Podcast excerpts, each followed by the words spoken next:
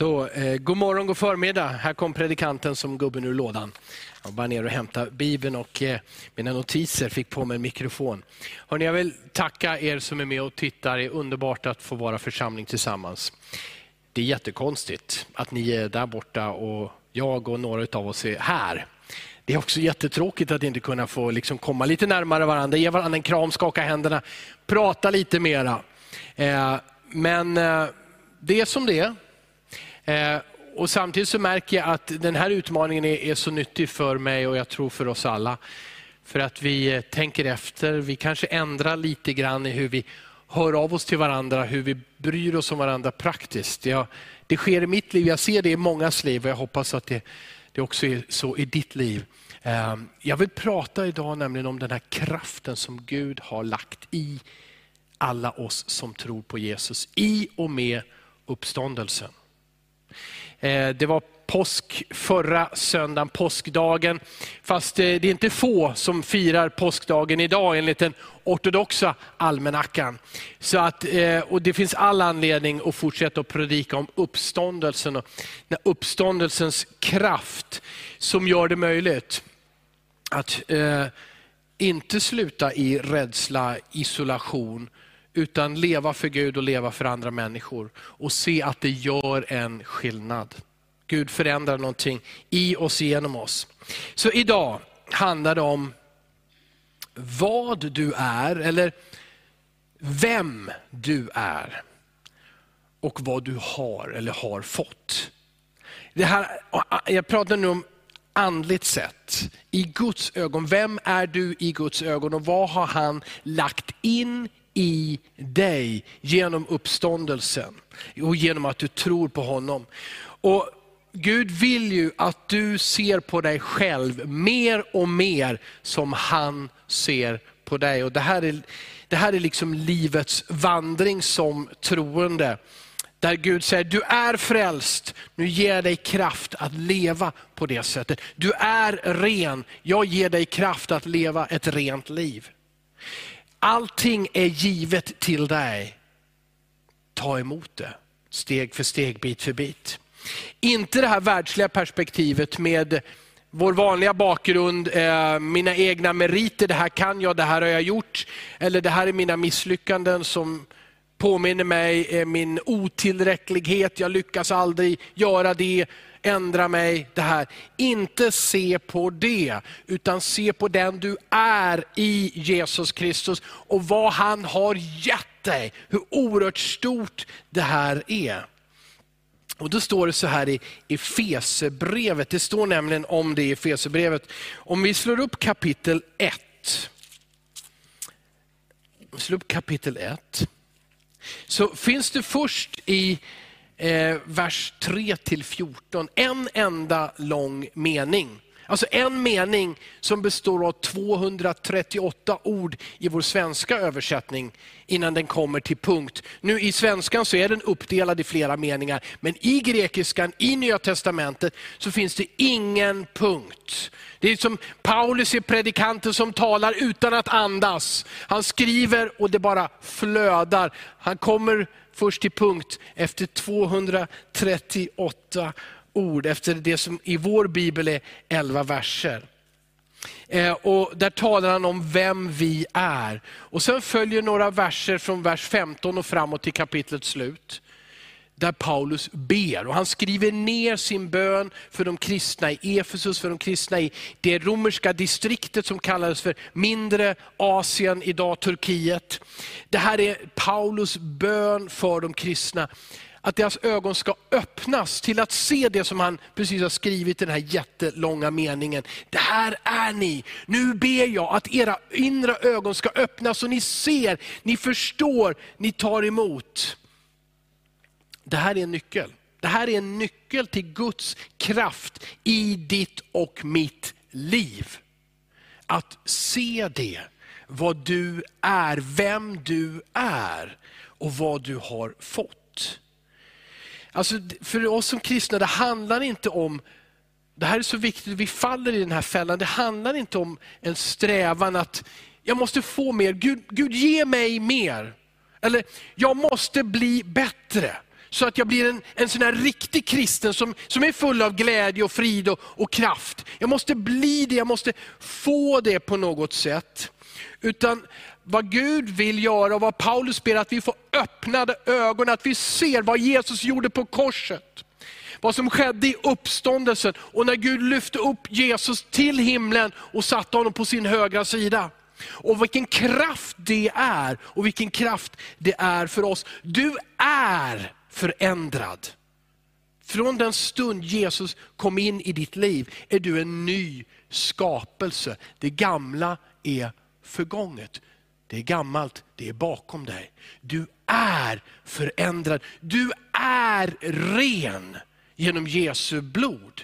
Du är förlåten alla dina synder, inte några, inte en del och några andra senare. Alla dina synder är förlåtna i det förgångna och om du ställer till det i framtiden. Du är ren och förlåten i Kristus. Du är, du är fylld med Guds kraft. Och I den här bönen så, så kommer vi också se hur oerhört stor, alltså den här kraften, Paulus, det, det bara flödar ord när han försöker att beskriva den här kraften sen i vers 19 och vers 20. Och Jag tror att det är där som jag tänker att börja och läsa. För det är det jag vill tala om, Guds kraft i dig. Och vi kommer in mitt i en mening i vers 19, Efesierbrevet 1 och 19. Där han säger hur oerhört stor hans makt är i oss. Märker ni hur han radar upp ord? Han säger inte Guds makt i oss, utan hans stora makt i oss. Nej, det räcker inte hans oerhört stora makt i oss. Och på grekiskan är det ord som hyper, det är mega. Och så står det att den, hans väldiga kraft är verksam i oss. Och det, verbet verksam är samma sak som energia, det är energi. Så ord på ord på ord försöker Paulus få in det för att få oss att förstå, den här kraften som uppväckte Jesus från de döda, den är obegränsat stor. Och vad tror du behövs om döden ska besegras?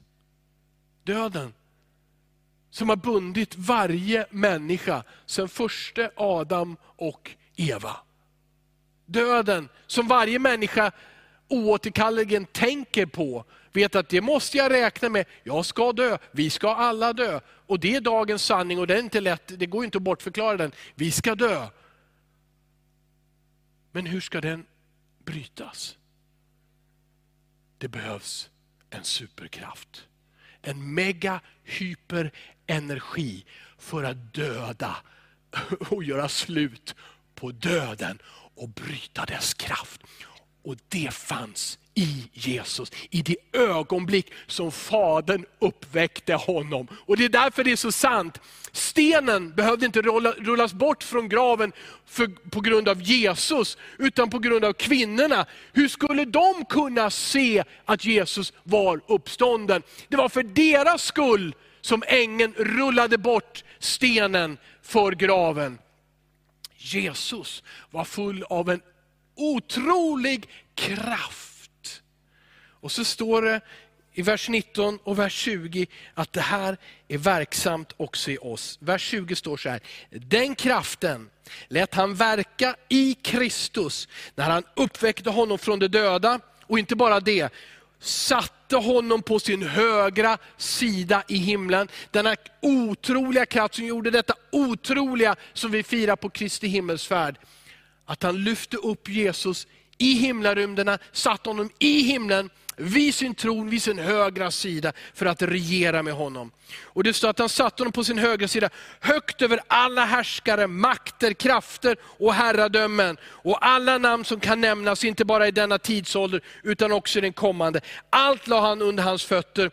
Och honom som är huvudet för allting gav han till församlingen, som är hans kropp fullheten av honom som uppfyller allt i alla. Den här oerhörda kraften över varje demon, över varje ängel, över varje andlig makt. Lyfter Jesus upp och sätter honom på höga sidan. Men så står det att Jesus är som ett huvud. Och vad är hans kropp? Jo, församlingen. Du som följer och tror på Jesus. Du som bekänner honom, har låtit döpa dig till honom och följer honom. Du är en del av hans församling och det är hans kropp. Och Det är därför Bibeln säger om och om igen, du är i Jesus, han är i dig. Han bor i ditt hjärta men du är också i honom. Du är i hans kropp, i hans församling. Och i den kroppen så verkar denna kraft än idag. Den är din, den är i ditt och mitt liv. Halleluja, det här är så otroligt. Hörrni, man ska ju vara snabb när man predikar och det har jag ju aldrig varit. Eh, men, men när vi, jag ska läsa den här sanningen, den här långa, långa eh, meningen, vers 3-14. Men jag tänker inte läsa varenda ord, utan jag kommer flyga igenom den. Vers 3-14. När du är hemma, efter gudstjänsten, i eftermiddag, ikväll, vill jag uppmuntra dig att göra tvärtom. Stanna vid varenda mening, stanna vid varenda ord. Träng in i det och ta till dig det. För innan jag läser så bara ställa den här frågan. Jag beskriver en sån oerhörd kraft.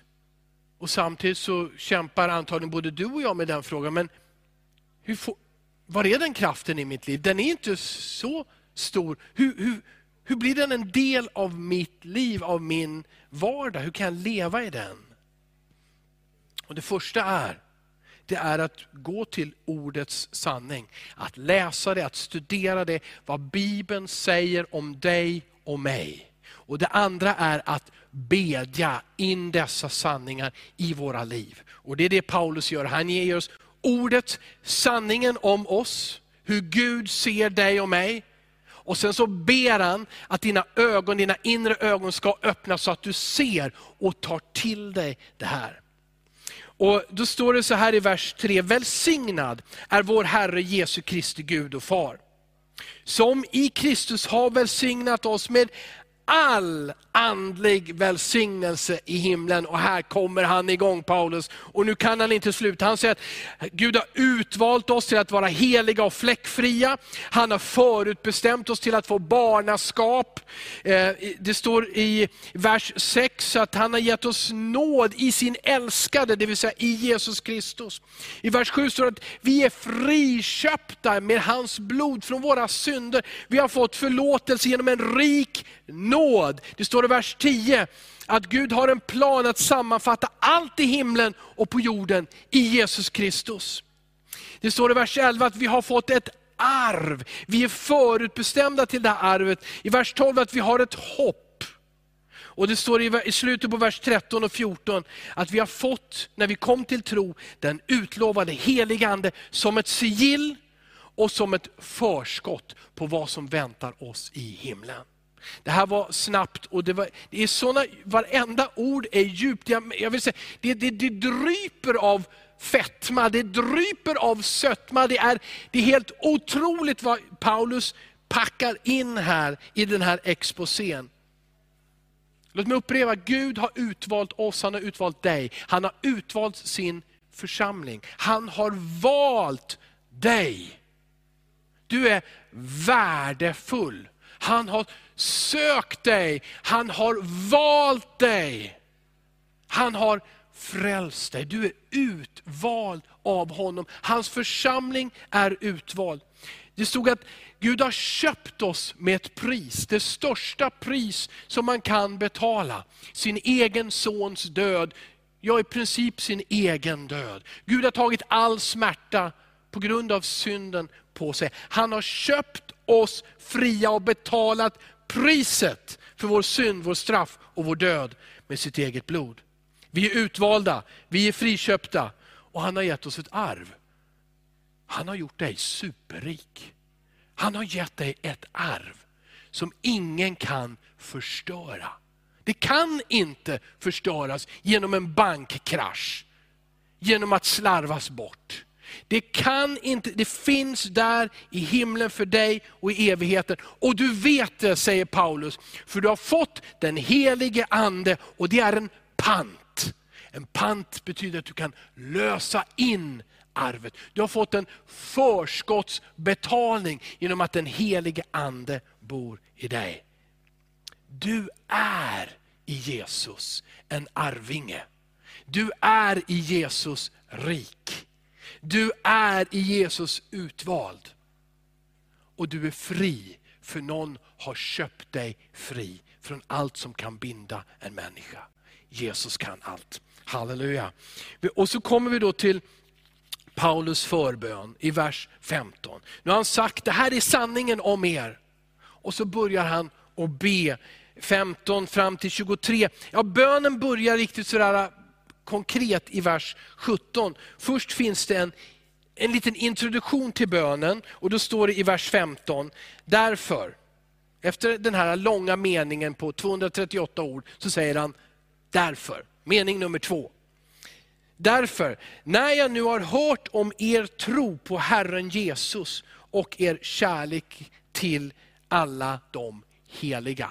Låt mig bara stoppa där. För här, nästan som han, han är på väg till bönen, men här nämner han basics. Att tro på Jesus och att älska våra syskon. Det är det tron handlar om. Hjärtats tro, munnens bekännelse, ja, men den levs ut i kärlek till andra människor, till dina bröder, till dina systrar, till medmänniskor. Han säger, jag har hört om er tro, men jag har också hört om er kärlek. Det går inte att säga att jag tror på Gud och hata min bror eller min syster, säger Bibeln. Det hör ihop. Helheten, the basics, grunden. Att tro med hjärtat, men att handla med den kraft och de resurser som vi har. Han säger att jag har hört det här. När jag har hört det så skriver han i vers 16, kan jag inte sluta tacka Gud för er när jag nämner er i mina böner. Det här, Paulus beskriver tacksägelse och lovsång. Han säger, jag kan inte sluta när jag tänker på er, att tacka Gud.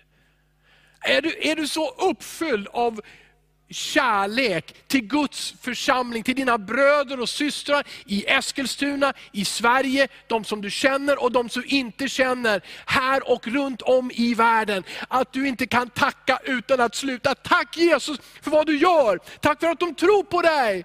Tack för att de älskar dig och hjälper varandra och hjälper andra människor, förvandlar sina samhällen, städer, de platser där de bor på. Att tacka Gud, att leva i lovsång, i bön. Vi har grund att göra som Paulus. Men nu i vers 17 så går han in i bönen och säger, jag ber att vår Herre Jesu Kristi Gud, härlighetens far, så han kan inte hålla tillbaka en enda gång. Inte en enda gång kan Paulus bara säga en sak, utan nu kommer en liten bisats och ett litet tillägg. Jag ber att vår Herre, Jesu Kristi Gud, härlighetens far ska ge er vishetens och uppenbarelsens ande så att ni får rätt kunskap om honom. Vad Paulus ber, det är att vi ska förstå, att du ska förstå vem du är och vad du har fått. Vad gör du med det som du inte förstår? Vad gör du med de appar på din telefon som du inte förstår? Mitt råd till dig, gör ingenting. För fattar du inte appen, gör ingenting. Nej, eller så ta reda på hur den funkar och använd den. Vad gör du med andra saker som du inte förstår? Ja, i slutändan så brukar du hålla dig ifrån det. Förstår du? Paulus skriver till kristna. Om du inte förstår vem du är i Jesus, om du inte förstår vad du har av kärlek, kraft, helighet, förändringskraft. Allting som Gud har lagt i dig, framtid och evigt. Om du inte förstår och tar till dig det, hur ska du kunna använda det på måndag morgon när du går till arbetet eller skolan? Hur ska du kunna använda det när det hettar till i familjen och man vill börja bråka lite grann med varandra? Hur ska du kunna använda det när du mer, jag har inte mera pengar än så här, jag kan kan inte hjälpa en annan, hur ska du kunna använda det som du inte förstår? Och därför så maler han på. Jag tror verkligen att han är ännu mer högljudd än vad jag är, Paulus. Se vad ni har, se vem Jesus är och se att han bor i er. Och jag ber att ni ska förstå det, att era inre ögon ska bli fyllda med ljus och kunskap, så att ni tar till er det och lever det. Det här är nyckeln till ett liv i Guds kraft. Till ett liv där saker och ting förändrar sig, där du växer och där det sker förändring runt om dig. Studera Bibeln. Be. Gör som Paulus här. Studera inte Bibeln för att Gud ska tycka att du är bättre.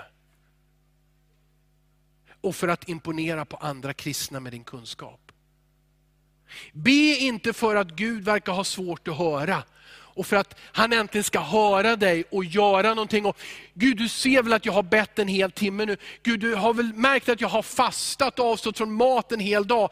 Det handlar inte om ett förändringsprogram utav dig själv eller utav Gud. Det är inte därför vi ska läsa och studera Guds ord och be. Inte för att förtjäna mer, utan för att upptäcka mer. Amen för att upptäcka vem du är i Jesus Kristus och vem han är. För att frigöra mer av honom i ditt liv, i församlingens liv, i vår värld. Amen. Därför så ber han om kunskap, om ljus, det vill säga insikt, om hopp, om arv, om makt, om kraft och säger det är ditt. Det är ditt, det tillhör dig. Gräv djupt, gräv gärna i detta. Och dessa tre inledande kapitel, ja halva denna bok, halva Efesebrevet, kapitel 1, 2, 3, handlar om vem du är i Jesus Kristus. Jag räknade inte upp, eller slog inte heller upp hur många gånger det står nu i Kristus. Men gång på gång på gång i de här första kapitlen, 1, 2, 3, så står det vem du är i Jesus. Läs det, ta till dig. Först därefter så går han över till att instruera, ja men eftersom du är, gör också så. Och så här tänker Paulus och så här måste du och jag som kristna tänka. Du är ljus, därför lys. Försök inte att bli ett ljus, försök inte att tända någon slags eld, få igång någon slags energi i dig. Ta till dig, Jesus lever i dig och du är ett ljus.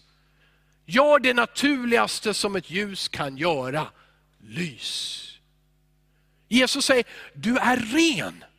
Ja men jag har tänkt fel och gjort fel. Jesus säger, du är ren, alltså lev rent. Aha. Du behöver inte gå och tvätta dina händer och ditt hjärta för att de blev smutsiga igen. Du är ren.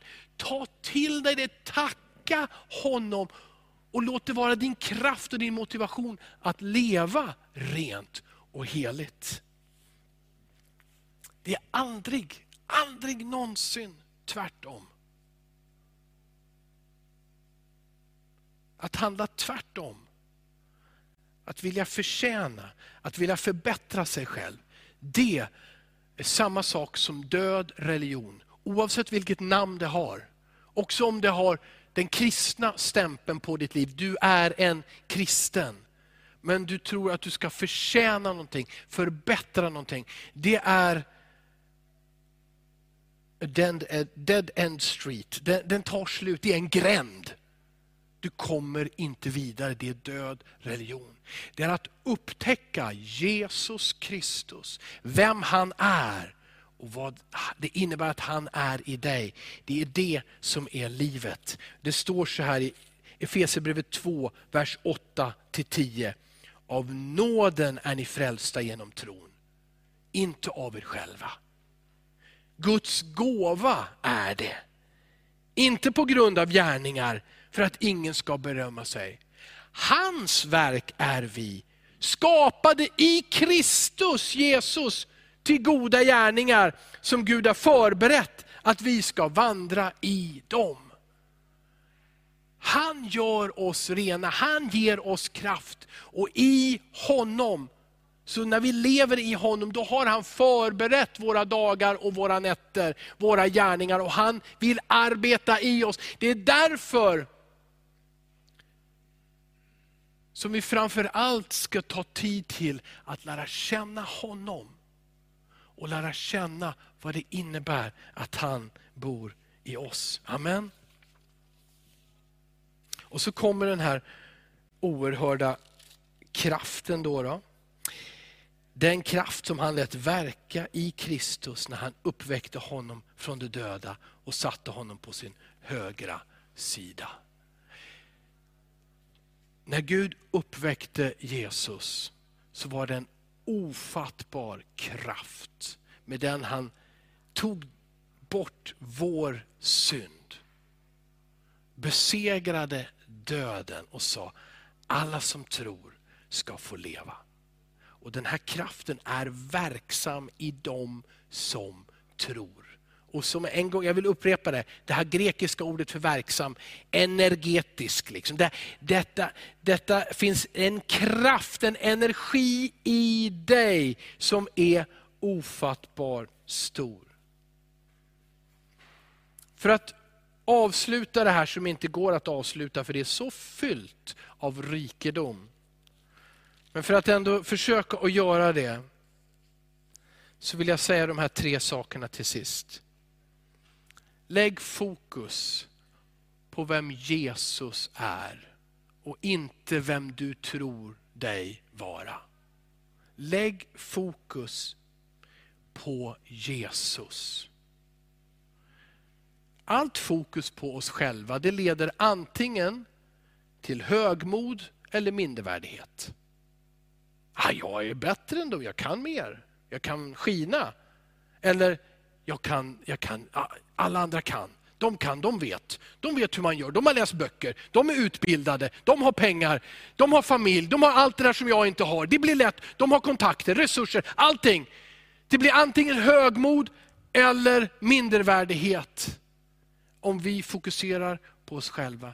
Men välj att fokusera på Jesus som hade allt, avsade sig allt, ödmjukade sig, gick lägre än den lägsta människa för att kunna lyfta alla människor upp ur dyn, upp ur fattigdom, upp ur synd. Vad som än har sänkt dem, så gick han lägre. Han lyfter dig och mig. Se på honom som var så högt, som gick så lågt och som genom Guds kraft blev återupprättad.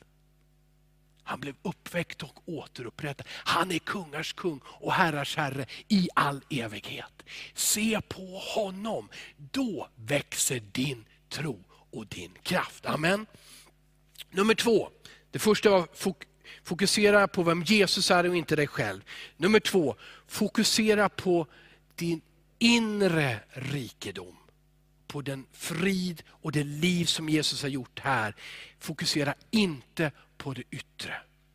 Och i de här dagarna, och det är, det är ju rätt så, men vi fokuserar alldeles oerhört mycket på säkerhet, yttre säkerhet. Jag vill inte ge dig ett virus, du ska inte få ge mig ett virus. Så vi håller oss på ett par meters avstånd. Det är rätt. Jag tvättar mina händer noga, ofta, mer än någonsin förr. De blir jättetorra, så får man smörja in dem och så vidare. Eller så spritar man dem när det inte finns något vatten och tvål.